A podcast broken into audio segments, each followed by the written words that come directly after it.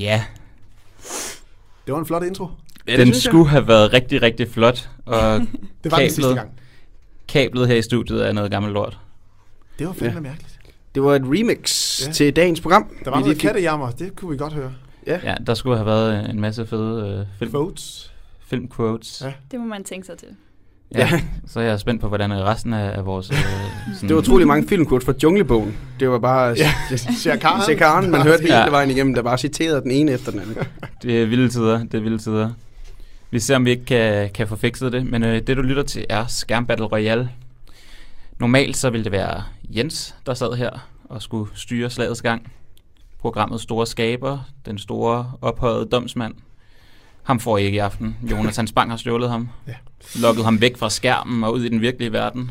Ja. Det er en anden virkelighed. Øh, I stedet så får I mig, jeg hedder Karl Og med mig i studiet har jeg tre seje kæmpere. vi har Martin. Vi har William. Hej. Og så har vi en debutant kaldt ind i sidste, sidste øjeblik. Ida. Yes, det er mig. Så øh, vi skal kæmpe på Virkelig. film i dag. Det er sådan, at øh, jeg har fire spørgsmål med, som jeg vil stille de her tre dejlige mennesker omkring mig. Og øh, så skal de kæmpe til døden på ord om, hvem der har mest ret i deres valg af film eller tv-serie, eller hvad det nu måtte være. Eller politikere. Eller politikere, men det, det, det holder vi os fra i dag. Nå nej, det gør vi ikke. Uha, uha, uha, uha. Nej, det bliver, øh, det bliver gode ting i dag, og øhm, jeg tror, at øh, vi bare skal gå i gang. Ja, lad os da det. Mm. Så vi siger... Øh, ja, igen er teknikken øh, helt ude at skide. Øh, men øh, der blev sagt round one, Ja. fight. Og første runde, den hedder, hvilken fiktiv skole vil I helst gå på? Ja. Og øhm, vi lægger ud med William. Jamen, den fiktive skole, jeg, William Jensen, helst ville gå på, den, øh, den har haft øh, indtil flere navne. Den har heddet, øh, nu her i, øh, i tegneserierne, der hedder den Jean Grey School for Higher Learning. Tidligere har den heddet uh, The Xavier Institute for Higher Learning. Så har den også heddet The Xavier School for Gifted Youngsters- Og det er jo mutantskolen fra X-Men-universet, som uh, er på et slot uh, over i USA, uh, ledet af Charles Xavier, professor X. Og der vil jeg selvfølgelig gerne gå, fordi det er absolut den fedeste skole, man overhovedet kan gå på. Med en masse øh, pupils og peers, der er ens alder, og der bare har fede evner og alt muligt. Øh, jeg, som, jeg skal jo selvfølgelig have en mutant øh, evner og så videre, og et mutant navn. Det var William Jensen. Jeg hedder Windsor, og det gør jeg, fordi at jeg kan manipulere vind, luft, blandt andet fjerne luft i et lokale, flyve, vindstød, med øvelse måske lige for at lave tornadoer. Det er bare noget af det, jeg kan. Men det er jo en dejlig skole, der er fokus på at oplære unge mutanter i at kontrollere deres evner samt skabe grobund for et vældigsindet menneske-mutantforhold, Mange forskellige træningslokaler, alle udstyret med teknologi, der overgår de flestes fantasi. Der er traditionelle fag, såsom musik og kunst og livsstudier, økonomifag, sprogfag. Så er det lidt mere alternative som nærkamp, teamwork, flyvning og øh, skudpræcision. Lidt af øh, ja, skudpræcision. Jeg kunne ikke lide, det var den bedste oversættelse, jeg kunne lave. Øh, undervisere, det er jo nogle ikoner øh, og virkelig fantastiske forbilleder, man kan få som underviser der. Det er jo Wolverine, Logan, øh, som underviser i nærkamp. Så er det Storm, der underviser i øh, vind og vejr eller andet. Øh, naturfag, sådan må næsten være. Og selvfølgelig professor, Tanef. selvfølgelig professor X. Øh, min fag, der vil jeg nok tage drama, øh, teamwork, flyvning og skudposition, fordi jeg kan flyve, og jeg kan øh, skyde med vindstød. Øh, der er store åbne naturområder. Den har sin egen kirkegård, hvor tidligere eksmænd og elever er begravet. Det lyder måske lidt trist, men det er samtidig også en god måde at holde fast i sin identitet som mutant. Mottoet for skolen det er mutatis mutandis, når det er ændret, som bør ændres, som jo kan- øh, kaster meget godt over i forhold til det med, at mutanter og mennesker de skal leve side om side. Yes. Mm. Det var en, øh, en præsentation af, hvad, hvad William gerne så. Vi hopper hurtigt videre. Ida, hvor vil du gerne gå? Jamen, øh, hvis jeg skulle gå på en fiktiv skole, så skulle det 100% være Hogwarts. Øhm, som er den magiske skole fra Harry Potter-filmene, som jeg tror, de fleste kender. Øhm, og det skulle selvfølgelig være den skole, fordi at man er heks eller troldmand, og får lov til at have rigtig fede fag som forvandling og elixir og øh, alle de her fede fag, som man ser i, i Harry Potter-filmene. Udover det kan man jo også have sit eget kæledyr med på skolen, hvilket Nå ja. jeg er mega fan af, fordi jeg skulle have min kat med, hvis det var. Få lidt ting at bo med sin kat og med sine venner, og kaste fede øh, forvandlinger, og rende rundt og være sej med en tryllestav. Ja. Og fede kapper. Øh, fede outfits. Det skal min karakter også have. En kappe. Det, En må jeg også kappe. godt Øh, når du henter lidt inspiration. Ja, det, herovre undskyld, det, det tog jeg lige. Øhm, ja, og, øh, og udover det er også nogle vildt seje lærere, øh, som professor Snape, tror jeg, vil være min yndlingslærer, hvis jeg gik på Hogwarts. Den skrabe satan. Yes. Vi hopper hurtigt videre. Ja. Martin, hvor vil du gerne gå? Jamen altså, come on guys, get back to reality. Selvfølgelig skal jeg gå på en rigtig skole. Jeg skal gå på Horace Green Prep School. Hvad for en skole, tænker I? Det er selvfølgelig skolen i School of Rock, man skal gå på. Og det skal selvfølgelig være i den periode, hvor Jack Black han er blevet fastansat. Men selvfølgelig bliver, det ser man ikke, men det bliver han selvfølgelig på et tidspunkt. Øh, og hvorfor det? Jo, men det er simpelthen, jeg altid gerne øh, vil spille på et instrument. Og hvem bedre end det, end Jack Black vil være der til at lære mig det? Det virker generelt også bare som en skole, der er åben for nye tiltag. Altså han har blandt andet hans øh, Sing Along, hvor han øh, spiller sin guitar, og så laver han et regnstykke, og så skal eleverne give svaret. Så vil jeg da gerne have lært at dividere på. Det er sådan lærte jeg det ikke. Øh, jeg vil også... Øh, de virker modtagelige over for de her nye undervisningsformer som Sing Along. Øh, og så synes jeg også bare generelt, at de, de, de lærer en en vigtig lektie på det her sted. Og det er, at man ikke altid skal tro på autoriteter. Stick it to the man. Og, øh, og generelt så er det også bare pissefed musik, der er i filmen, synes jeg. Og det, jeg synes bare, det virker som en, en dejlig skole, og hende, øh, rektoren der er på skolen, er jo egentlig en, der gerne vil slå sig løs. Hun vil gerne være ung med de unge, men hun er blevet lidt stiv i betrækket på alle de her hårde forældre. Men hun slår sig igen til sidst i filmen, slår hun sig løs. Og det vigtige til den her skole, det ender med kun at blive en dejlig prep school. Så selvfølgelig vil jeg da gå der, og ikke alt muligt hokus pokus. Yes. I, ikke alle mulige seje evner eller øh, Jamen, det er sindssyge skoler, I har valgt. Altså Hogwarts, så der kan du dø bare ved at gå på trapperne, hvis Du- de lige flytter sig uregelmæssigt. Vi, vi træder allerede ind i Ja, diskussionsfeltet undskyld. nu her, øhm, og det, det synes jeg også er fedt. Godt, der er noget gejst.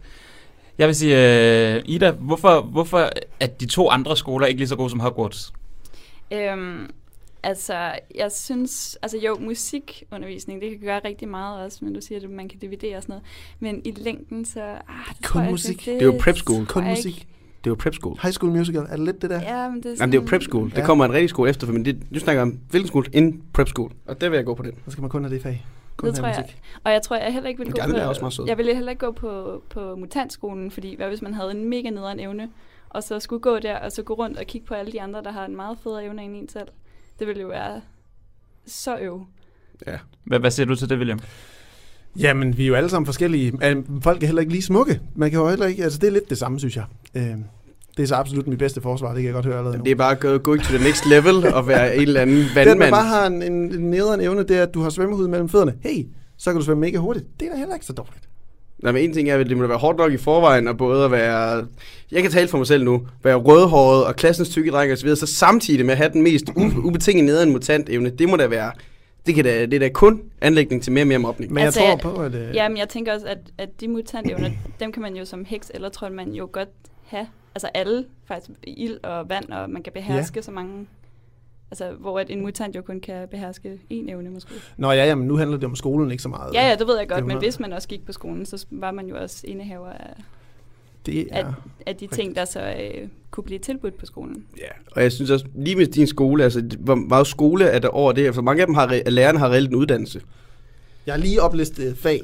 Ja, men øh, hvordan er de uddannet i det? Altså, jeg ved, Gina er vist doktor, ja. Det er vist rigtigt. Professor Xavier, han er vist professor, men så er det vist også det med de kvalifikationer, vi har.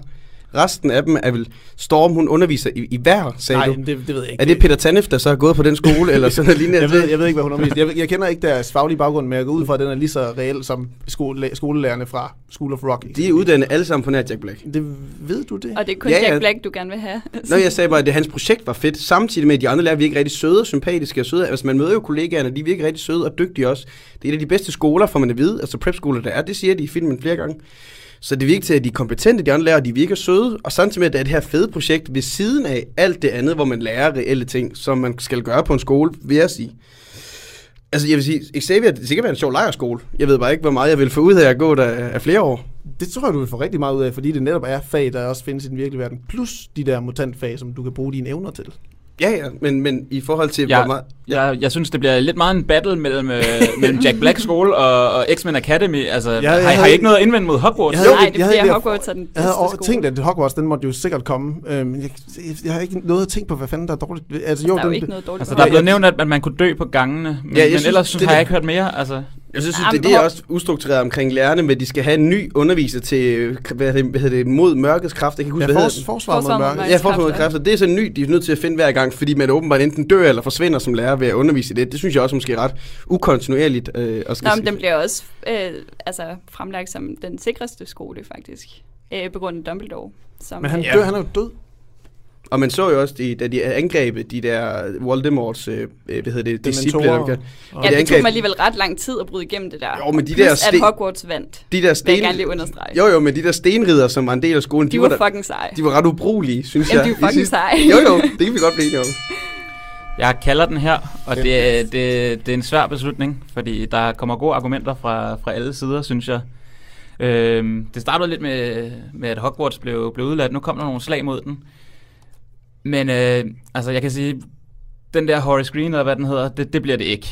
Det, altså, et fag, det er en lærer, som er der i, i en periode. Det, det siger ikke så meget om skolen, men mere om, hvilken lærer du helst vil have. Præcis. Ærligt talt. Det er også det andet. Det kan jeg komme med forsvar nu. Præcis det, Karl siger. Det er godt. jeg, jeg, jeg ender med at gå med Hogwarts. Nej. Yes, sådan. Forfærdeligt. Jeg synes, der kom bare lidt mere øh, bashing mod, Så øh, absolut. mod X-Men Academy, eller, absolut. eller hvad det nu hedder. Så derfor blev jeg nødt til at gå med, med Hogwarts. Men, øh, men dermed ikke sagt, at, øh, Selvfølgelig. Det er en god start. at det ikke er nogen fede skoler, fordi jeg, jeg kunne da godt gå alle tre steder, hvis det endelig skulle være. Jeg blækkede fuldstændig out. Så, øh, Jack blacked out. Mine superkræfter kunne så ikke bruges til på noget. enget går til Ida. Woo! Debutanten debuterer med et point. Tillykke med det. Selvfølgelig. Ja, og så får du heller ikke vreden skummer ud af de to drenge her i studiet. Ja, jeg kan øh, godt mærke, nu steg trykket lige. Øh. Temperaturen og trykket steg Ja. lige et par grader der. Temperaturen stiger, og det er hot. Øhm, vi skal videre til den næste ting, og øhm, vi har en lille lyd til at, til at præsentere den. Nu skulle det gerne virke. fucking thing sucks. Gør det. Yes, this fucking thing sucks. Fordi vi kan godt lide film, vi kan godt lide gode film, men der er også film, der er dårlige. Ja. Og det vi skal finde frem til netop nu, det er, hvad for en film er den dårligste film nogensinde. Og øhm, i den her omgang, der får Ida lov til at lægge ud, hvad er den dårligste film nogensinde? Men jeg synes, det var, det var rigtig svært at vælge, fordi der findes helt vildt mange dårlige film derude. Øhm, men jeg har valgt, at, øh, at øh, det er Glenn og Glinda og af Ed Wood, som er den dårligste film. Og det er simpelthen fordi, at øh, der er blevet lavet en film om, hvor dårlig den her film er, da den blev optaget. Og plus at den film, okay nu bliver det indviklet, den film, der blev lavet for at vise, hvor dårlig den film er, er blevet kåret som den dårligste film af Tim Burton. Så Hold tænker jeg, det må, det må være den dårligste Det bliver film. virkelig meta her. Ja, det bliver lidt, øh, ja, det gør det. Øhm, men hvis man kan følge med, så, øh, så synes jeg, at øh, det, det måtte være den dårligste film, og det måtte være den, jeg, jeg skyder på. Ja. Vi hopper videre til Martin. Ja. Hvad er den dårligste film nogensinde? Jo, men jeg overvejer også, jeg har, altså, jeg har heldigvis ikke set så mange dårlige film, men jeg har set et par stykker, og havde der et par stykker at vælge, men jeg har blandt en australsk zombiefilm, der var helt forfærdelig. Og så sådan en, en film med Viggo Mortensen, der hedder Good, men jeg valgte at tage en film, som potentielt godt kunne være blevet god, men så endte med at blive sindssygt dårlig. Det er Batman og Robin fra 1997. Uha. Mm. Det er simpelthen så dårlig en film. Den kostede 125 millioner dollars. Lad os lige regne det ud. Det er cirka 1 million dollars i minuttet. Og de vælger stadigvæk at gøre filmen så dårlig. Altså, og det er Akiva Goldsman, der har skrevet manuskriptet. Det er simpelthen så dårligt et manuskript, at det, det, det er pinligt. Og han kan godt skrive. Han har skrevet A Beautiful Mind, som er en skide god film. Men alligevel så fucker han det vældig op. Og Joel Schumacher, Don't Get Me Started, omkring hans elendige fortolkning af Gotham. Hans måde, der, der er bare ikke rigtig noget, der giver mening. Der, der er så meget, den roder rundt. Og selv Joel Schumacher har været ude og sige undskyld for filmen bagefter. Han siger, det var ikke min mening at gøre jer ked af det, fans. Jeg vil bare gerne underholde jer. Men det ændrer ikke på det faktum, at den er sindssygt dårlig. Altså, det er sådan bare sådan noget med, for eksempel, altså, man kan virkelig se, at han ikke har sans for detaljer, Joel Schumacher, i den film. Altså, for dem, sådan, de sådan slås mod de her henchmens. Altså, man kan se, hvordan de står i kø, dem der, venter på at få tæv nogle gange. Altså, det er bare sådan nogle små ting, og dem er der bare enormt mange af. Hvordan Poison Ivy blev til Poison Ivy, der er hun blevet skubbet over nogle kemikalier, så falder hun igennem noget jord. Så dukker hun op igen, bum, så er hun blevet Poison Ivy, velkommen til verden. Og Bane, det er bare en eller anden rocker-type, der får lidt gift i sig, og bum, så har vi Bane. Jamen, den er... om den er nok godt med korthed, så vi kan overholde tiden, men jeg synes bare, at den er så rodet, og den er så dårlig, og der er så mange gode skuespil med, og alligevel så fucker den det op. Fuldstændig. Vi kan mærke, at, at det her det er en film, du ikke bryder dig om. Jeg det, hader det. Det film. skinner i jeg, hvert kan, fald jeg kan igennem. mærke hadet herovre. Jamen, det er også kraftigt, det had. William, Ja. hvad for en film er dårligere end den? Det er The Roommate fra 2011. En film, jeg så på en sommernat på TV3+, Plus, hvilket vil sige, der var reklamer med, hvilket naturligvis heller ikke gjorde den bedre. øh, det er en øh, film, der faktisk er instrueret af danske Christian E. Christiansen. Øh, en horrorfilm bliver den beskrevet som, men det mest uhyggelige er godt nok, hvordan den har fået lov til at blive lavet. Det handler om øh, Sarah, der flytter på college og bliver roommate med Rebecca. Rebecca, hun er skingeren sindssyg og opbygger en øh, hurtig besættelse af Sarah, og ved alt, hvad hun... Øh, hun vil have alt, hvad hun har, og hvad hendes eneste veninde ender med at slå hendes kat ihjel, tatovere øh, Sarahs øh, afdøde øh, søster det samme sted, som Sarah har tatoveret sin søsters navn på sig. Øh, og det, det, det, er bare en fuldstændig åndssvag film. Der er ingen suspense i forhold til, at det skal være en horror. Klipningen er tydeligvis lavet af en bagstiv editor i, i, i, i, i det senere tit bliver kastet ind i handlingen, uden at have nogen sammenhæng med, hvad der er sket for inden, eller om nødvendigt kommer til at ske. Vil du skræmme til roommate, så skal du omvendt se trailerne. De, er om, de er meget mere skræmmende. Det er 94 skrækkelige minutter, der fortæller en historie, der ikke kunne være mere ligegyldig. Twist og klimaks er mangelfulde, som når det eksempelvis bliver afsløret, at Re- Rebecca slog katten Cuddles, Sarahs kat, ihjel. Det ved vi sgu da godt. Hun er skænger sindssyg. Vi ved da godt, hun har smidt hende ind i tørretumler, og så slået den ihjel. Jeg er mere. Jeg overvejede at lægge mig til at sove øh, ved nogle af de her reklamepauser, men jeg blev alligevel hængende hver gang for at se, om der bare var en enkelt del af den her film, der ligesom kunne retfærdiggøre dens øh, øh, eksistens. Det var der bare ikke. Øh, det var to og en halv times mindre søvn, jeg fik ud af det. Øh, og jeg vil slutte af med at sige, øh, hvad hedder det, opsummeringen, som Rotten Tomatoes også lavede, som egentlig er fuldstændig passende. Devoid of chills, thrills or even cheap titillation, the roommate isn't even bad enough to be good. Yes. Nu har vi hørt meget om, hvorfor det er, at Martins og Williams valgte film er dårlige. Hvorfor ja, er jeg vil din faktisk film gerne dårlig? lige fortælle lidt, øh, fordi at, øh, jeg kan godt mærke, at det er meget øh, seriøst had, der kommer fra de her to gutter her. Absolut. I bedre mænd. meget bedre. Øh, men altså, da, da Glenn og Glenda blev lavet i 50'erne, han var så dårlig til at lave den her film, at der stod filmfolk rundt om ham og sagde, hvad laver du? Hvorfor? Hvad? Han kunne slet ikke finde ud af at, øhm, at, at styre hele opbygningen af filmen. Han var instruktør samtidig med, at han øh, var skuespiller, altså hovedrollen i filmen, og han kunne ikke administrere nogen af roller, altså hverken som skuespiller eller som instruktør. Øhm, og ja, det gik bare galt. Det gik bare i vasken. Øhm, og det er også det, at øh, filmen om filmen handler om, at... Øh, og den er også bare blevet mega dårlig, selvom at Johnny Depp faktisk er med i den. Og, og, og øh, det er ikke altid en meget ung Sarah Jessica Parker. Øhm, så er den også bare blevet kåret som en virkelig dårlig film. Det er virkelig svært ved at argumentere for mod en film med Sarah Jessica Parker ikke er den dårligste film. Men nu er det jo ikke film med Sarah Jessica Nej, nej, Parker, det vi er ude i. det. Jeg er synes- jeg film synes- om film. Jeg synes, der at princippet det der med, at der bliver lavet Parker en film om, hvor dårlig en anden film det er, så gør den jo nærmest en eller anden klassiker i, hvor dårlig en film det er, og dermed Ja. gør den lidt god. Det bliver nærmest kult, Ja, ja, vil bliver jeg sige, kult. hvis man er nødt Den til at bliver fortælle lidt- historien Den på en bliver anden lidt film. kult, men den er bare den er rodet, og den, netop fordi han ikke har haft noget med film at gøre. Han, øh, han var øh, en, en, der bare gerne ville ud med sit budskab omkring at være transvestit. Øh, og det ville Før sin tid. meget før sin tid, og det er jo også, øh, øh, emnet er jo egentlig fint nok, men i og med, at han ikke øh, havde noget med film at gøre overhovedet ud over det her, så, øh, så gik det bare i vasken fuldstændig. Martin, hvorfor vil du hellere se de to andres film end, uh, end Batman og Robin? Øh, øh, Glenn and Glenda, Glendale, hvad den hed, ikke? Glenn and Glendale. Nej, Glenn og Glenda. Glenn og Glenda, sorry. Øh, jeg synes, den, den virker næsten helt så, så, så kult og så virkelig underlig sjov, at den vil jeg faktisk kunne jeg godt finde på at se. Det samme her. Hvor the, the Roommate, altså det er igen, altså det er næsten også igen noget med en kat, der bliver dræbt i en tørretumler. Det lyder allerede der som en scene, jeg næsten bliver nødt til at se. Det har Hvor- man set før. Altså, jeg så faktisk uh, traileren til The Roommate og overvejede at se den. Ja, men det er også fordi, traileren den er meget bedre. Det er også, det, den er meget bedre end selve filmen. Den Men er det- langt mere skræmmende end selve filmen. Men hvor, nu, nu har du selvfølgelig set Batman og Robin, men det er det virkelig sådan, at den potentielt burde den jo være god. Altså vi har en George Clooney, vi har en øh, Schwarzenegger, der, han har lavet gode film. Han lavet Predator, han lavet Terminator, vi har en Uma Thurman, hende kender vi fra Pulp Fiction. Og vi har en god manuskriptforfatter, troede man. Og alligevel så fucker de det fuldstændig op, og intet fungerer i overhovedet i Batman Robin. Altså den, og den er stadig så dårlig, at den ikke er helt blevet kult nok til at være, fordi den er simpelthen for dårlig til at blive kult. Men stadigvæk, altså det, jeg tror næsten, den er på nippet, men ikke lige præcis dårlig nok. Jeg vil jo Men- netop sige, at den men- er kult. Og jeg vil Ja. næsten også sige, at du kan, ikke, du kan ikke vinde den her, Martin, fordi Batman. Ja, jo, det er netop derfor, jeg kan vinde, fordi netop fordi Batman, det burde man kunne fortælle en god historie på ret få og nemme midler, som øh, Nolan og Burton har vist. Og det fuckede Schu- Schumacher også op sammen med Goldsman. Nej, men altså selvom Glenn og Glenda burde blive en kultfilm, så er det bare ikke blevet en kultfilm. Altså fordi den netop er så dårlig, den er så rodet, den kommer slet ikke igennem med sit budskab. Og, øh, og det, det, den fejler bare. Den, er, den ligger så meget op til at blive en kultfilm, men den er for dårlig til at kunne blive en kultfilm. The Roommate har ikke en budskab. Der er ikke noget Nej, den budskab. Den, sig arbejder, den arbejder med... Øh, jamen, det er traileren igen. Den arbejder med sindssyge for Rebecca. Det gør den ikke noget med. Den arbejder med at blive voksen for Pocahontas. Det gør den ikke noget med. Det bliver bare en sindssyg pige, der river en navlering ud på en anden pige i spr- brusebad, og slår en kat ihjel. Og så dør hun til sidst. Nu, kan, nu behøver du ikke se den. Og synd at sige, det har været budskab i Batman Robin. Altså, udgiver den ned en som Freeze, han siger, What killed the dinosaur? The Ice Age. Og det er jo så også forkert samtidig med. Så Nå bliver ja. sådan, at nu slår jeg bordet også. Simpelthen. Der er, der, er, altså, der er hæftigt øh, temperament i K her.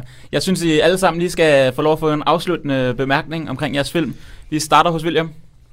Den starter hos William. Ja, den øh, afsluttende bemærkning. Jamen, Roommate, den er den dårligste. Der er ikke nogen, der snakker om den. Den er ikke kult. Der er ikke lavet film om den. Den har heller ikke Batman med.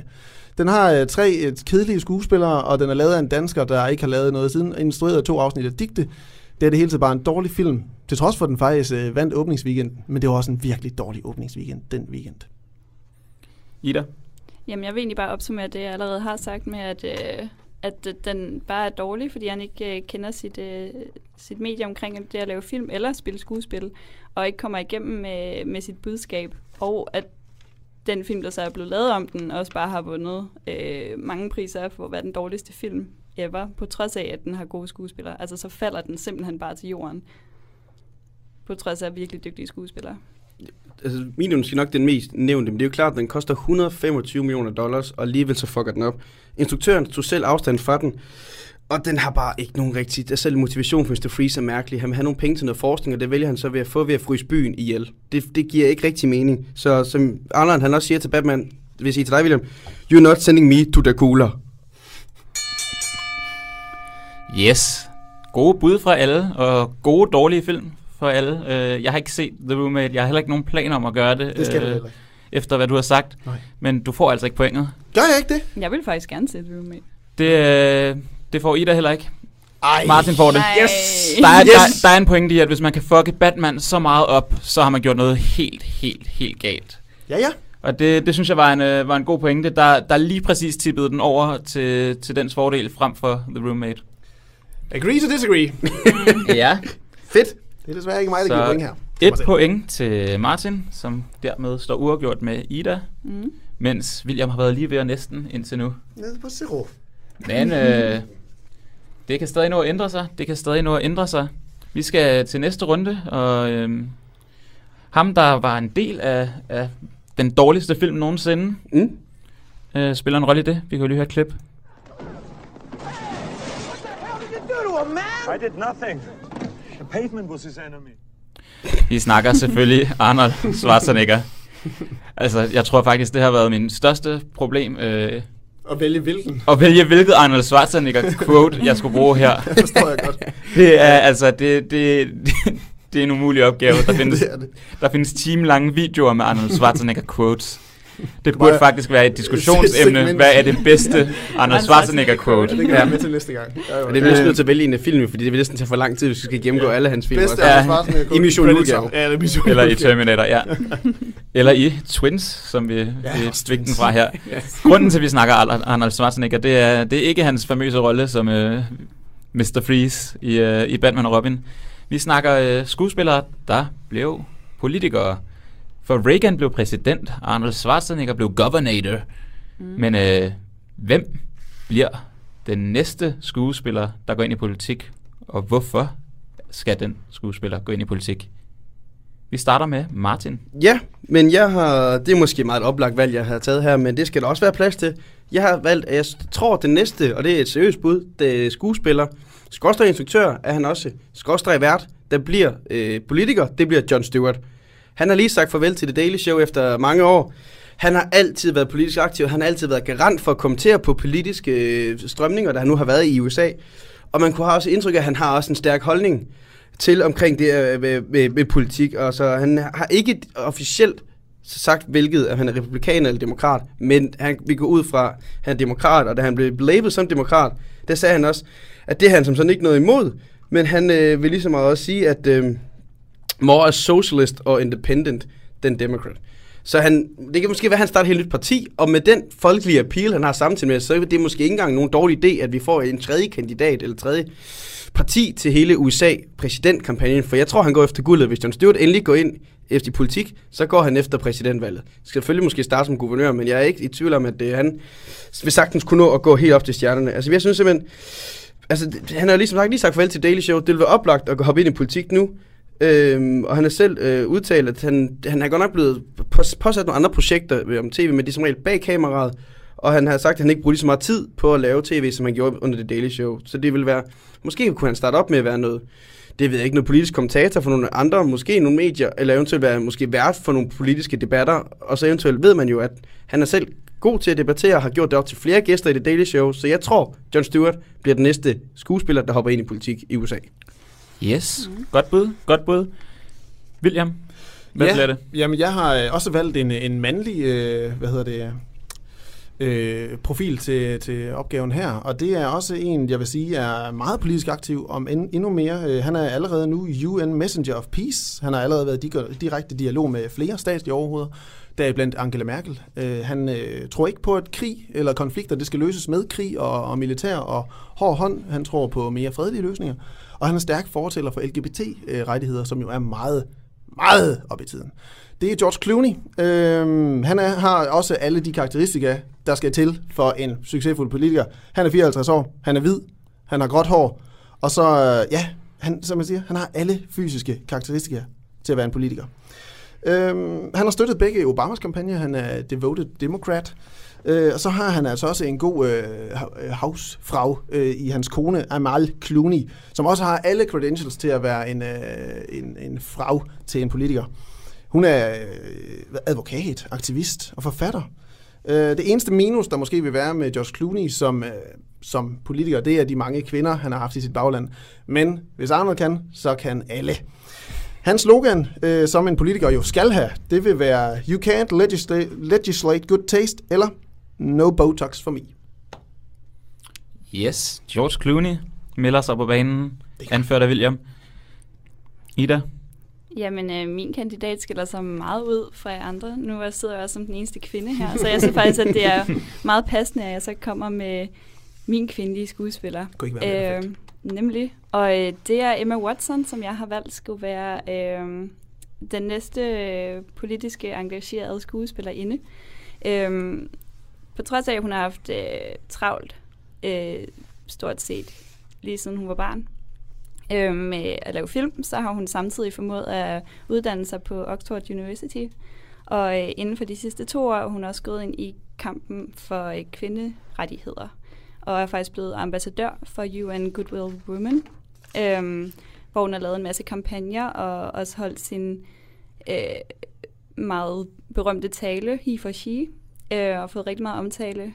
Øh, I øjeblikket beskæftiger hun sig med uddannelse, øh, uddannelse for alle, og især uddannelse for piger og kvinder. Øhm, og det er, det er vejen frem lige nu, og, og hun er så ung, at hun, øh, hun er kun, øh, og hun har så mange øh, ambitioner omkring det her, at det kan kun gå fremad. Og så hun bare er så sympatisk, og hun er, hun taler virkelig godt for sig. Øhm, så hende vil jeg helt klart skyde på, at hun har en fremtid inden for det her. Et friskt ung bud. William, hvorfor fungerer det ikke? Det fungerer ikke, fordi hun netop er alt for ung til at skulle være politiker. Hun vil blive, hvad hedder det, jordet ned med det samme af ældre politikere i hendes øh, både idealistiske tiltag og alt muligt. Jeg tror ikke, hun vil kunne holde i længden som politiker i så ung en alder. Det vil altså helt klart, når hun bliver ældre i en George Clooney-alder måske, så vil hun helt klart være en rigtig, rigtig stærk kandidat til en, til en stærk politiker. Det er jeg slet ikke enig i. Altså, jeg synes netop, det er en fordel, at hun er så ung, og, og at hun øh, allerede er nået så langt i det. Øhm, i både i sit ambassadørarbejde, men også, øh, øh, at hun har så meget fokus øh, på sig, netop fordi hun er så ung, og fordi hun kan tale øh, på vegne af en hel øh, generation af kvinder, som øh, har behov for uddannelse, og, øh, og det er kun... Oh, øh, ja, jeg synes kun, det er kun startskud til en øh, glimrende politisk karriere. Igen, jeg tror, hun er fung til det. Og så synes jeg, at John Stewart, det er et, et cheap shot i forhold til det her skuespiller, vi skulle vælge her. Han er jo, altså det må vel være primært, hvad deres primære occupation har været, og han er jo talkshow-vært. Hvad, Big Daddy, den tæller ikke som en film, eller hvad? Jo, jo, jo, men primært. Ja, men jeg tror og også, job. han er for farvet af at have været journalist i så mange år. Og talkshow-vært. Det- Jeg vil, du siger farvet, jeg siger inde i stoffet. altså, Det er han, det er han ikke, og jeg vil sige, I to Jamen, kandidater, I vælger, jeg vil sige næsten lige for idealpolitiske, og næsten også for udenrigsorienterede, hvis de kommer til at skal være en amerikansk politiker. Altså, de går meget op i at skal bekæmpe de her store, ide- idealistiske spørgsmål ude i den store verden. For jeg har indtryk af, at John Stewart også lige så meget fokuserer på, hvad der foregår inde i internt i indrigspolitisk i USA, hvor derfor jeg tror, at han har en større chance for at nå igennem til de amerikanske vælgere, som nu engang skal vælge ham. Fordi han tager hvad hedder det, deres problemer og deres, hvad kan man kalde det, spørgsmål op, og jeg han er virkelig styr han på har det. ikke, Jeg tror ikke, han har format til at blive politiker. Det tror jeg simpelthen ikke. Jeg tror, han er for meget inde i sin øh, tv-værtsrolle til, at det vil kunne fungere. Det kan godt være, at han vil øh, have en masse popularitet omkring sig, og han er inde i stoffet selvfølgelig, men jeg tror ikke, at han kan vende den karriere over til at blive politiker. Det tror jeg simpelthen ikke på. Så vi hører, vi hører kritik af Emma Watson, hun er for ung, og John Stewart er for tv-værtsagtig. Hvad, hvad er der galt med George Clooney? George Clooney, han er for skuespilleragtig. Ej, det går Det kan man ikke sige, Det går slet ikke. Nej, fordi der vil jeg faktisk sige, at, at, at hans øh, kone vil være endnu bedre valg ham, men hun er jo ikke skuespiller. Øhm, ej, det, det tror jeg bare Den er svær. Jamen, jeg- nej, jeg- jeg tror synes, George Clooney, at han er Hvad står han for? Altså, jo, han har hjulpet nogle Obama-kampagner, men altså, Han står for Det- LGBT det gør rights, så hvis det er det, vi skal tage et, et helt specifikt emne. Hvad, hvad, hvad, hvad vil George Clooney stille op til? Altså, Hvad han vil stille op altså vi hører, John Stewart skal være præsi- præsident. Nå, Er det, det vil- er det også George Clooney's mål? Det vil han også kunne gøre. Eller Ja. guvernør. Men det det. fokuserer han ikke for meget på det udenrigspolitiske? Det synes jeg netop, han gør. Han snakker meget om at bekæmpe de her forskellige problemer i tredje lande og så videre. Jo, det kan han og også. det er der ingen amerikanske præsidenter, der har vundet valg på. Nej, nej. Det Du er- ser, at Donald Trump, der stormer frem af nu, han snakker ikke ret meget om hjælp tværtimod øh, ud, ud, hvad det, tredje lande. Og Hillary Clinton snakker meget måske med kvinderettigheder osv., det er der, det hende, der gør populær. Jeg synes ikke som sådan, George Clooney's emner vil gøre ham populær i USA som en oplagt præsidentvalg. Nej, men altså... Det, han er populær i den, i den store verden, det, det tror jeg, han det, han modsvar indland, her. det, Ja. han indlands bruger mest tid på, det er jo rettigheder til homoseksuelle. Mm. Altså det vil jo have været hans øh, kvinderettighed, som du siger med Hillary ja. og også med Emma Watson. Altså det er jo, det er jo hans øh, hjemlige øh, fortaler emne. Stadigvæk så synes jeg, at det ikke kan diskuteres. Emma Watson er ung til at blive politiker. John Stewart er ikke skuespiller. Og det synes jeg stadig godt, og han er også instruktør. Ja, Ja, ja, men, men nu hedder det skuespiller. Okay, fint, men han er stadig også skuespiller, har lavet blandt andet Big Daddy. Nu, jeg, fik, jeg har ikke lige slået ham op på IMDb nu, for jeg gik ud fra, at jeg skulle argumentere for. Jeg synes, jeg synes det er, at en mand, der Det hvad, synes hvad jeg- der er en skuespiller. Det synes jeg ikke. Også Og hvis man, har- når man har det haft travlt med... selvfølgelig bestemme. Nå, men drenge, hvorfor, hvorfor er det så, at Emma Watson ikke fungerer? Vi har, har hendes alder, det er selvfølgelig et, et, et men det synes jeg også pointe, bare, at, men at det er et svagt argument, fordi Det det, er at, måske. øh, det, det, det synes jeg var egentlig bare hendes fordel. Altså netop for de ting, hun står for, og, og så har hun bare så mange år til at, til at beskæftige sig endnu mere med Det er jo med helt rigtigt, hun kan få masser af erfaring, men hun kommer ikke til at have nogen erfaring inden for det politiske spil i Jo, forhold til fordi hun har så mange ambitioner. Jamen, det er ambitioner og, erfar- ambitioner og erfaring, det er virkelig Hvor det jeg savner lidt, at uh, George Clooney har et eller andet... Jeg tror, han, han er for skuespilleragtig. Det, det, det, mm, det Det går ved jeg ikke, hvad det er. Ej, men jeg kan slet ikke se ham i det. Nej, det okay. Og det tror jeg heller ikke, at andre kan. Det, det synes jeg øh, heller ikke rigtigt, hvis man vælger at se på Emma Watsons skuespilskarriere, hvad valg af film, altså, det synes jeg heller ikke som sådan, hun udstråler politiker. Hun gør måske nok af uddannelse, men hvis vi tager som i forhold til valg, der synes jeg måske heller ikke, at hendes skuespræstationer får mig til at tænke, hun vil oplagt et valg af politiker. Hvor altså, hun virker ambitiøs nok, men jeg har også indtryk af, at det, de valg, hun tager, og de ting, hun støtter, er ret nemme at støtte, fordi det er der en generelt konsensus om, at det støtter man selvfølgelig. Hvis man ikke støtter det, så er man et, et røvhul. Ja, Så- men hun er ikke... popularitetsstøttelse, øh, hvad hedder det, mærke, mærkesager, hun tager op, det det, jeg vil sige. George Clooney har jo også al den charme, der skal til for at være en fræk politiker. John Stewart er rap i replikken og kan klare en der debatrunde og tryne begge jeres kandidater med det samme til hver debatrunde. vi tager lige en sidste runde, hvor I får 10-20 sekunder til lige at komme med det sidste afgørende argument, der skal tippe min holdning over til jer. Vi starter med Ida. Øhm, Emma Watson, ambitioner, øh, en klar karriere foran sig, øh, og en øh, god øh, grundlæggende uddannelse, og, øh, og ja, gode fremtidsudsigter for det her. Martin. John Stewart, øh, super dygtig, er virkelig inde i stoffet, har arbejdet i politik i mange år, både på den ene og den anden side af, af staten. Og at derfor vil have det transformation for ham ikke være så svært, fordi han vil vide, hvad han taler om til at starte med, både indrigs- og udenrigspolitisk. George Clooney, han ligner og lyder som en politiker allerede. Han har et baggrund, der siger... Altså igen, det største problem for ham, det er, at han måske ser godt ud. Og så at han har været sammen med mange kvinder. Men det har han sgu da også. Og han, har, han lyder som en politiker. Han har også temaer, der passer lige så godt. Og så snakker han selvfølgelig også om udlandet. Men udlandet, det er også vigtigt. I vores Danmark. I vores Danmark, siger jeg. I vores verden. Yes. Det er en hård omgang, den her. Fordi jeg synes faktisk, at det, det er gode bud alle sammen. Jeg ender med at gå med William og George Clooney. Tak. Ej. Af simple argumenters skyld. Der blev sagt, hvem er den næste skuespiller, der går ind i politik, som i at, at stille op til et embede. Og der tror jeg, at, øh, at I har ret i, at Emma Watson hun er for ung. Hun øh, er politisk aktiv, og hun er måske mere en, en, hvad skal man sige, aktivist, end at hun rent faktisk går ind og, og rent faktisk begynder at tage et embede og stille op til noget endnu. We'll see. Så, øh, så derfor så, øh, så underkender jeg den. Og så kom der argumentet øh, skuespiller. Jeg tænker også John Stewart mere som tv-vært, og, og George Clooney er meget skuespilleragtig, som det blev sagt. Mm. Så derfor så, øh, så går den der. Og, og, og din indledende pointe med, med, at han har alle, øh, hvad skal man sige, elementerne, der en. skal til. Altså, det, det, det, det er rigtigt nok. Han ligner en slæs politiker. Han har også spillet den i, i, i, film. Kameleonen. I Kameleonen blandt andet, ja. Så øh, pointet går til William, og nu står det helt lige inden den sidste runde, hvilket gør, at, øh, at så bliver det det, det spændende. bliver meget det spændende her, spændende. fordi at, så kan det være, at vi skal ud i en tiebreaker for overhovedet at finde ud af, hvem der skal ud i lynrunden. Uh. Men vi skal videre til det næste spørgsmål. Og øh, vi kan lige høre en lille lyd. I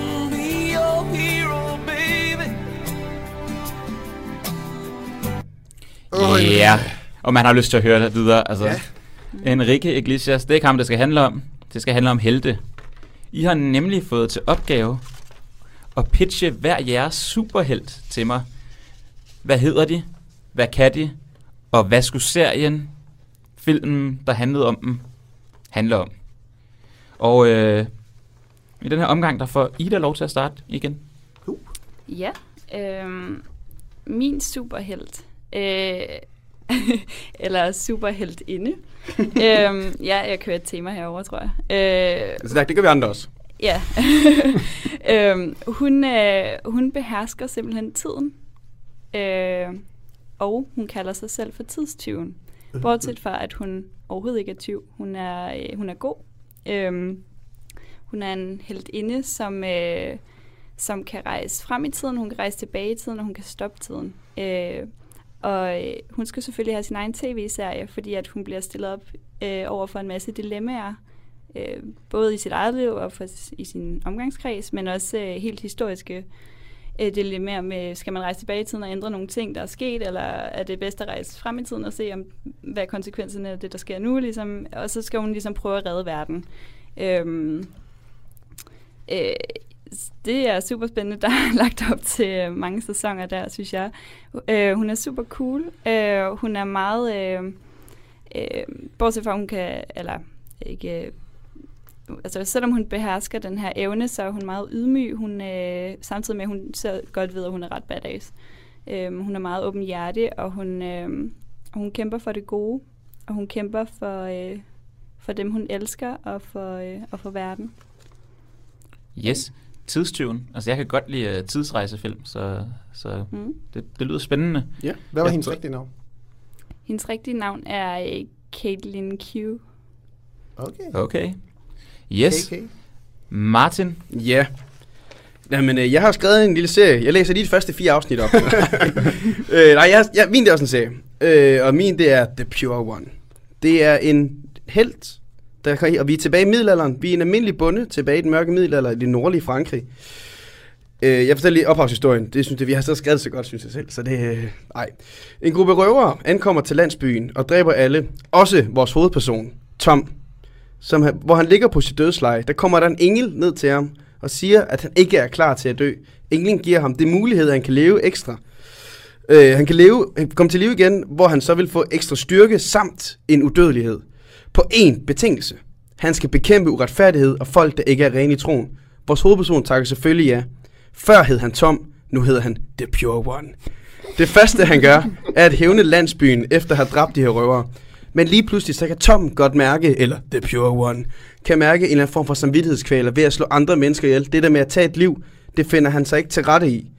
Han er bare en bonde, han er ikke en morder. Englen henviser ham til flere og flere, han bliver nødt til at dræbe, da de har gjort forfærdelige ting, og de ikke er rene i troen. Det Pure One udfører selvfølgelig opgaverne, han er sat til, men det er aldrig uden komplikationer og problemer, han udfører de her opgaver. Der er altid en eller anden form for samvittighed, der er altid en form for melankolsk stemning over ham, hver gang han har udført en opgave. Han føler sig mindre og mindre som et menneske, simpelthen, som han egentlig i bund og grund er. Slut første, slutningen af første sæson får han til opgave at dræbe en højtstående mand i en nærliggende landsby, som er en vaskeægte tyran, ser han ud til. Det siger englen nemlig. Men lige inden Tom dræber ham, opdager han, at han er en ganske almindelig mand med familie. Han er velhavende, jo jo, men han er ganske almindelig, der tilhører ham. Så derfor dræber Tom ham ikke.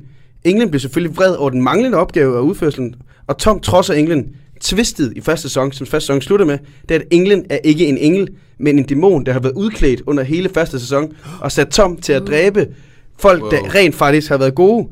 Og her begynder samvittigheden for alvor ramme Tom, og Tom føler sig nu, at han er klar til at gå- tage kampen op mod den her dæmon. Hvordan? Se med i anden sæson. Okay, okay. Ja, Der er cliffhanger og det hele. en religiøs superhelt. En Ja, religiøs superhelt, dem er der altså ikke mange af. ikke er, Det skal nok være, og- være ingen, der har lyst til at se. Nej, Konstantin er jo ikke en... Det er ikke det, vi skal ind i nu. Nej, Nu skal nej, vi bare lige høre, hvad Jamen, William jeg- har at sige, jeg før I synes, begynder var- at diskutere. Jeg synes, det var så let at hoppe videre fra, fra første runde med, en, øh, med mit akademi, så jeg har simpelthen arbejdet videre. det samme. At øh, jeg har brugt den samme superhelt, selvfølgelig bare ikke mig. Øh, navnet det er Andy Scott, og han hedder også stadigvæk Windsor med de samme superkræfter, vind, øh, kontrollering og manipulering af vind. Øh, oprindelsen for øh, Andy Scott. Forældrene de var depressive og syge, og følte ikke, de kunne opfostre et barn. Og grundet deres sindssyge besluttede de sig for at kaste deres nyfødte søn ud fra et fly i stormvejr. Hans mor stod med ham i armene og skulle til at lade ham falde, men ombestemte sig i sidste øjeblik, men var for tæt på hullet i flyet, da det blev ramt af et lyn, og hun tabte sin søn ud af sine trøsteløse arme, og kunne se ham forsvinde mellem sky og regn. Drengen blev på, blev på mar- mirakuløs vis fanget i en tornado af lyn, og overlevede på en eller anden måde faldet fra himlen. Han vokser op og bliver i en tidlig alder klar over sine meget specielle kræfter, uden selvfølgelig sine forældre. Han bliver adopteret. I frygt for at blive udstillet som en freak, beslutter han sig for at iklæde sig kostyme for at skjule sin sande identitet og bekæmpe kriminalitet. Han er 25 år, nogle gange hovedløs. Hans tillid til egne evner bringer ham nogle gange i unødvendig fare. En rolig person, når han bare er en Scott, der til daglig arbejder som politi- politimand. På den måde finder han let frem til forbrydere. Han lider af grimme drømme om at falde uden at kunne flyve, og drømmer om sine forældre, der forsvandt. Han har svært ved at knytte sig, som følge af at blive efterladt, forsøgt dræbt som spæd. Han har tendens til paranoia, arvet fra sine forældres sindssyge, der kan lede til, at han mister kontrollen og bliver bange for hans omgivelser, hvilket betyder, at han ofte er sendt på ufrivillig overlov af sin chef for at forstyrre på sig selv. Han går derfor til psykolog og får at forsøge at tale sig ud af sine problemer, men hans psykolog er i virkeligheden ikke så interesseret i at hjælpe sine patienter, som han er interesseret i at slippe det onde ind i dem fri. Psykologen hedder Peter Venat, en hyldest til Peter Tanef. Venat, det er Tanef bagfra. I filmen vil vi se Andy Scott som Windsor, le, Windsor lede efter sine forsvundne forældre for at finde ud af, hvor han kommer fra, og forsøge at bekæmpe de dæmoner inde i sig selv, der risikerer at gøre ham til en alt ødelæggende dræber, og ikke den held, han gerne selv vil være. Filmen vil også berøre mystikken omkring Windsors tilblivelse. Hvordan fik han sine kræfter? Var der noget overnaturligt indover? Øh, filmen den skal hedde Windsor eller alternativt Gone with the Wind. Okay, okay, okay. Er den ikke taget den titel? Jo, men alternativt. Ja, Ja. Alternativt. det kunne også være et, øh, et sjovt spil på Det var på, nemlig et på sjovt spil, ja. Øhm, jeg skal lige høre, hører han så til i det her X-Men-univers, eller er, er han nu Det- i, altså, i, det i, er- i sit det helt eget univers? Helt eget univers. Okay, der Okay, er ikke nogen godt. mutenter eller noget som helst. Super. Men han havde heller ikke gået på et akademi. der- Overhovedet ikke. Nej, nej. Okay, Han er vokset ja. op i normale øh, omgivelser. Han har bare haft de her evner. Martin, hvorfor er de andre sådan noget lort? Åh, oh, jamen altså, det er da fine bud. Jo, jo, jo, jo. Men altså, ja, det ved jeg ikke. Altså, jeg synes, uh, Williams film, den kan hurtigt blive rodet, hvis man ikke uh, får den rigtige instruktør til at lave den. Hvis du får Joel Schumacher til at lave den, kan jeg lade afslutte det bliver noget skrammel. Ej, spørg til. Øhm, altså, jeg synes, at... Øh, jeg, hvad hedder det, men, så, men motivation for Williams, din superhelt, for at redde, eller for at være god, er det simpelthen, fordi han er et godt menneske, eller? Yeah. Okay, så han, det er simpelthen fordi, han, Han har fået en har lyst til at gøre en opvækst. god gerning, så den der, det er Spider-Man-ideen, at med stor ansvar, eller hvad hedder det, med store kræfter følger der et stort ansvar. Ja, er det, det den filosofi, filosofi han følger? Fordi han eller? har jo samtidig de her øh, psykiske problemer, som gør, at han tit lasher out og laver rav i den, som gør, at han er lidt af en Okay. antihelt nogle gange også. Okay, så det kommer lige lidt. Ja. Han, han vil gerne være helten, men nogle gange så kan han simpelthen ikke kontrollere det. Okay. Og, så, og Ida, det var noget med en, en tids... Øh, Tidstyven. Tidstyven. Yes. Var det sådan, at så skulle så have sørget for at oprette, så hun kunne til princippet tage tilbage i tiden, og så skyde Hitler for eksempel? Ja, som, i princippet, Som ja. baby, som da det store Ja. hende i USA i øjeblikket. Ja, i øh, princippet kan hun det. Og Ja, så okay. øh, blev hun stillet op for de her Men- dilemmaer. Men hun, der vil hun jo risikere at blive nærmest mere en skurken helt, fordi hvis- hun øh, butterfly-effekt piller for meget ved fortiden, så vil hun risikere at lave endnu mere rav ind i fremtiden. Det er meget, meget, meget, synes jeg, farlig kraft at have som held. Jeg synes, Jamen, Jamen, jeg det synes skurk. netop, lige det du siger, det, det er netop det, der gør det super spændende, fordi altså kommer hun ud i de her øh, situationer, hvor at, øh, hun skal gå på kompromis med sig selv, men også med, hvad der er bedst for verden. Så kommer hun til at vide, hvad der kommer til at ske, hvis hun ændrer noget. Kommer hun til at vide, hvad der skal ske, I princippet ved hun det, altså hvis hun rejser tilbage i tiden. og slår ham ihjel, så og finder hun ud af, at Så øh, rejser hun øh, frem igen, og så øh, er det jo en helt ny verden. Øhm, og det er så der, hun skal finde balancen i, øh, hvor meget hun skal rette i, i verden, og det gode mod det onde. Hun skal ligesom filtrere. Men der kommer hele problemet, hvis hun så har rejst tilbage en gang og slået ham ihjel, og så rejser frem i tiden, for, og, og, og det duer ikke, nu må jeg tilbage og stoppe mig selv. Det er jo en cirkel, der bare ingen ende har med, og så kan hun bare ligesom køre rundt og frem og tilbage i tiden med at prøve at stoppe sig selv hele tiden. Jamen, det er jo det, der er, der, er det, der, det er det, der er faren med tidsrejsefilm, ja. øh, er blevet set. Og øh, løsningen på det er egentlig bare, at øh, hver gang, at hun rejser tilbage i tiden igen, øh, så er det egentlig bare til den fortid, der oprindeligt var. Ja. Hvis Kan- forstår. kan hun- den er- er, der er- findes ikke en dobbelt Er fortid. det noget, hun kan i sine tanker, eller har hun en mekanisme? Kan hun bare stå hvilket som helst sted, og så uden noget, og så rejse tilbage i tiden? Ja. Eller er det, det er ligesom bare en evne, hun har? Ja. Men Ja. jeg synes, det er rigtigt. Hvad var hendes oprindelseshistorie? Hvordan var hun kommet i besiddelse af det her? Jamen, øh, hun er egentlig bare en helt almindelig øh, øh, pige, der øh, i en alder af 20 år finder ud af, at hun kan det her, ved at hun øh, i en personlig sag ønsker at ændre noget i sit eget liv. Øhm, og, øh, og så ønsker hun egentlig bare, at, øh, at hun kunne rejse tilbage, og så sker det bare lige pludselig, og hun er selvfølgelig mega forvirret over, hvordan det sker. Øh, der er egentlig ikke rigtig noget... Øh, øh, nogle øh, smarte øh, falde ud af fly og blive ramt af lyn. Klassiske Øh, ting. det har man set før. Øh, hun, øh, hun har den her evne, fordi at hun, øh, øh, hvad hedder det, øh, fordi at der, der er brug for en øh, som hende i verden. Mm. Hun er øh, the pure chosen. Ja, hun er faktisk lidt uh, The Chosen One-agtig. Ja. Ja. Ny Så, Jesus. så der, er- der er ikke nogen origin story i hende. Altså, det, det er et mysterie, hvordan hun har fået kraften. Det er ikke det, det handler om, eller hvad? Nej, det er ikke rigtigt det, det handler om. Det er ikke det, rigtigt det, det synes handler jeg om. bare tit, det der gør de, de bedste superhelte franchise, sådan, det er netop dem, der har en god origin story. Blandt andet Nolans Batman og Batman Begins nærmest er en, en lang origin historie, som gør, at de to efterfølgende film forbliver stærke og er stærke. Personligt synes jeg i hvert fald bare, at jeg vil, jeg vil mangle en origins historie, i hvert fald til hende her, inden Men bare det er, hun... jo det, det er jo det, der er det charmerende ved det, med at man kan identificere sig med hende, fordi at man også selv måske sidder som en helt normal menneske. Det er det, det, er det er- der er hele ideen med hende egentlig. At Ja. øh, det kunne være hvem som helst. Ja, man behøver men- at kunne falde ud af et fly. Man eller, kunne vel stadig identificere sig, selvom hun ville have en anden origins historie, end jeg personligt ville have. Altså, det vil jeg stadig kunne, hvis hendes karaktertræk og hendes personlighed, vil jeg jo stadigvæk kunne se mig selv i, tænker alligevel, selvom hun Ja. har en origins. Jeg bryder lige ind. Hvorfor, hvorfor fungerer Martins ikke? Martin, det er bare din begrundelse til at starte med, med at sige, at øh, vores, den, ikke kan få, den kan jo blive noget værre råd med, det, hvis den ikke er i de rette hænder. Den mm. Passer også på din egen. Ja, det gør Kan det på i princippet. Men øh, hvad, hvad, var det, hvad var superkraften egentlig hos The Pure One, Tom? Det var at England, der tildelte ham kraften, at han faktisk blev udødelig. Han, okay, så han er udødelig, det er ja. hans kraft? Ja. Okay. Ja, Men- fordi jeg var men- også lidt, men- jeg var også lidt Men usikker igen, på, hvad hans... øh, men det er jo som en dæmon, der giver ham kraften, så, så spørgsmålet er selvfølgelig også, om han reelt set har været det på noget tidspunkt. Der, kan- der kommer et twist i anden sæson. Hvad er hans evne? Hvad er hans evne? Hvor- Hvorfor? Han er også stærk, altså han er styrke, øh, men ikke Superman stærk, men Men hvor, hvordan gør han en forskel? Altså, han hvor- gør en hvorfor- forskel, ved at han bliver sat til, at de her, Han han, er har den her, han, har, han er faktisk en, en puppet master. Han er, ja, han er en Ja, håndlanger. han er, bliver- styret af en puppet master, Ja. ja. det vil sige, at han er en håndlanger, som der gør, at, hvor jeg synes, det twistet med Ni, nemlig det gør, at han tror, han gør den ene gode gerning efter den anden, og gør verden bedre dag for dag. Hvor så, så øh, twistet, fordi jeg gerne vil have, at det skal være en serie, og så gør det mere indviklet. Det er netop det med, at han så finder ud af, har han overhovedet gjort en forskel, og ja. er det så først nu, han skal til at blive Det er helten ved at bekæmpe den her puppet master. Det er jo som til et Villains- meget- Så det er du har gang i en lang origin story, dybest set, i første sæson her. Eventuelt ja, og jeg- det kan jo sagtens fortsætte i mange sæsoner efterfølgende, Det er og jo- så følge ham, og det kan udvikle sig nu, og vi kan gå helt supernatural-agtigt og tage enormt mange sæsoner og se, hvordan han så vil kæmpe mod overnaturlige kræfter, som man ved eksisterer i den her verden, han vil være en del af. Og der vil han også møde flere og flere overnaturlige Det, det, det er jo et meget nichepræget øh, publikum, du sender til Midwesten med det religiøse tema, der kommer til at være grundlaget for Nå, men det er jo ikke det der af bærekraften. Det er jo ikke fordi, at man skal nødvendigvis det- tro på Gud. En, der skal Altså, ud, udrydde alt, alle synderne. Øh, Nå, men jeg synes, du Supernatural har indtryk af en ret populær serie, og den bruger også ret meget religion. Tiden løber, og derfor bliver bliver jeg nødt til at stoppe den. Det her, det er svært, synes jeg. Fordi jeg synes, der er nogle gennemtænkte figurer. Der er en helt gennemtænkt sæson til venstre for mig hos, hos Martin. Der, der er en film her.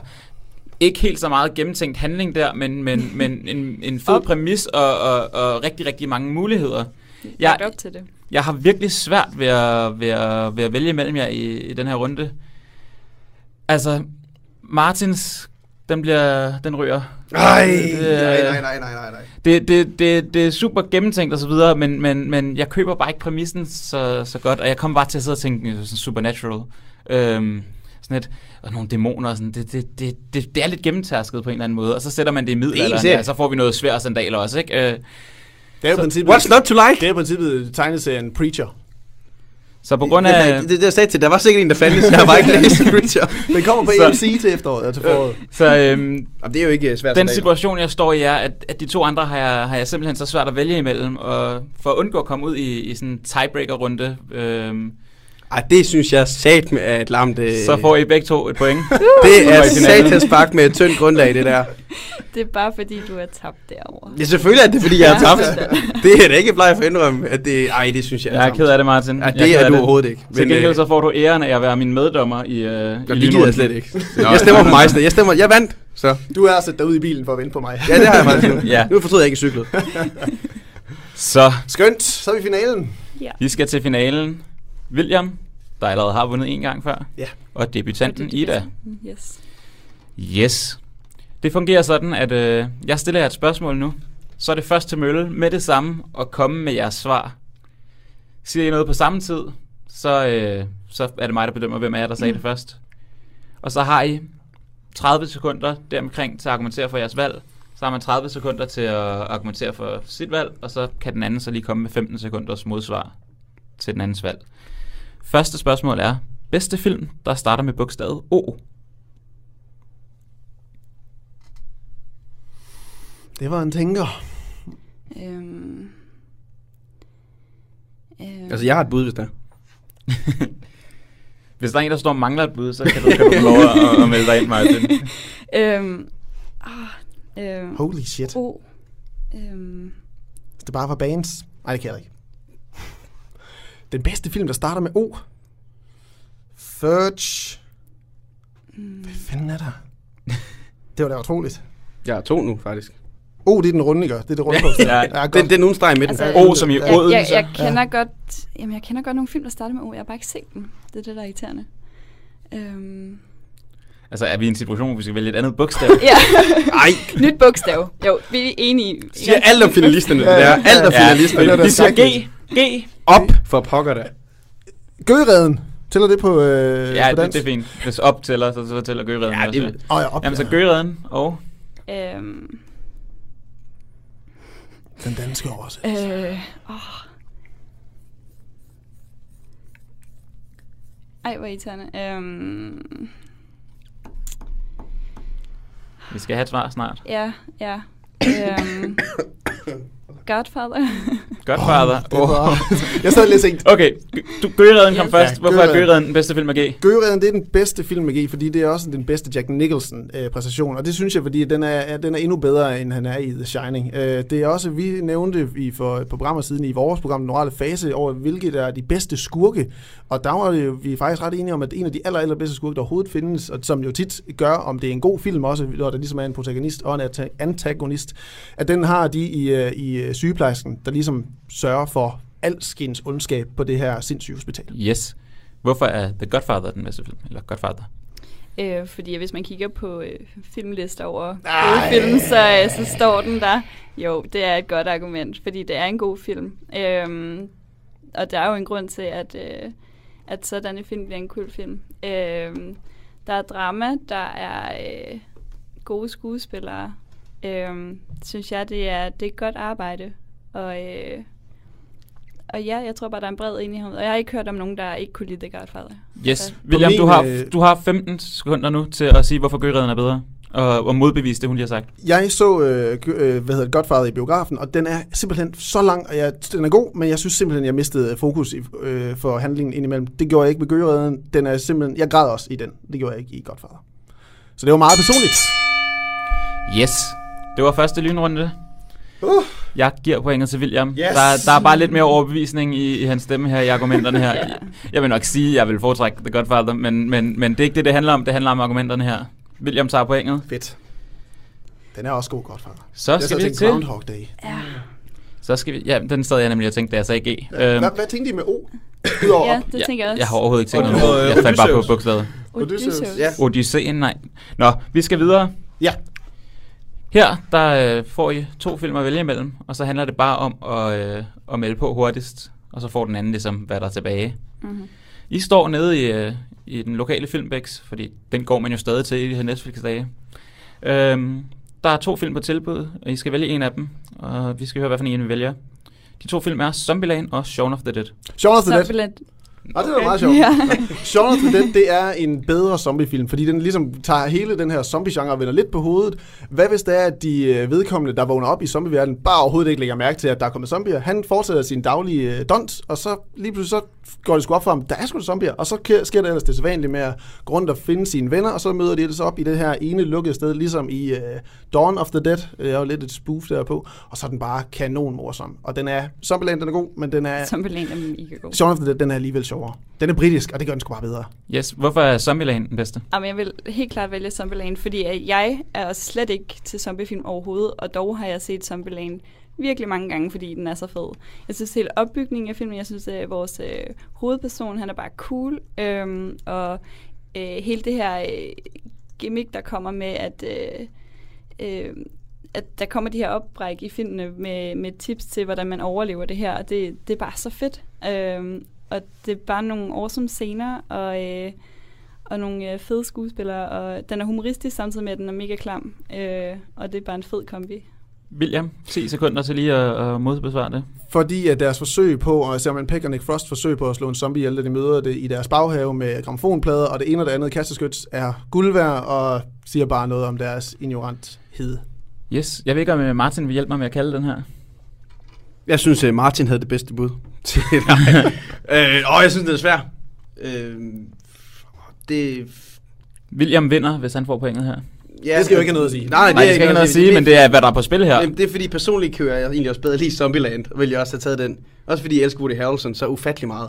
Og jeg synes, hans karakter, og så hele det Han er der... bare så cool i Og den, Bill altså. Murrays øh, spoof... Hans øh, dødsscene er for... Ej, hvorfor kan man ikke vælge Zombieland? Ej, det, det forstår jeg slet ikke. Hans dødsscene er... Ikke flere argumenter for- nu. Vi Nej, jeg synes godt nok også, der bliver, vildt. også for dommeren bliver der jo også diskuteret for Zombieland nu. Ja, han er diskvalificeret som dommer. Jeg vælger alligevel Zombieland. Nej. Ja, sådan. Jamen, det skal, jo være, det skal jo være spændende. Også for, at vi kan få den afgørende runde. for den var så lige. Det, Ja, ja, okay. vi skal have det maksimale ud af det her. Det skal vi. Det bliver helt afgørende nu, det her. Skønt. I får spørgsmålet. Hvem er den bedste Jennifer i Hollywood? Der er jo så mange. Der er virkelig mange. Øhm, Nemlig. Jamen, det er Jennifer Aniston. jeg vil gå med... Hun får 10 sekunder mindre at forsvare sig i. Ja, ej, jeg, jeg bliver nødt til at, at vælge Jennifer Lawrence. Det bliver jeg simpelthen Oh, nødt det til. er, Yes, William. Jennifer, Jennifer Aniston. Hun, øh, hun kender gamet. Øh, hun, er sgu, øh, hun er flot. Hun er stadigvæk rigtig, rigtig flot i en alder af 40 år. Hun øh, er sjov. Ja, nok en gang, så bliver vi kortet af af radioens optagelse af podcast. Men øh, til det nysgerrige lytter, så er Ida og William toe to toe, og det lykkes med nød og næppe for Ida at vinde dette program med Skærmbattle Royale. Vi lyttes ved om en anden god gang. Hej hej.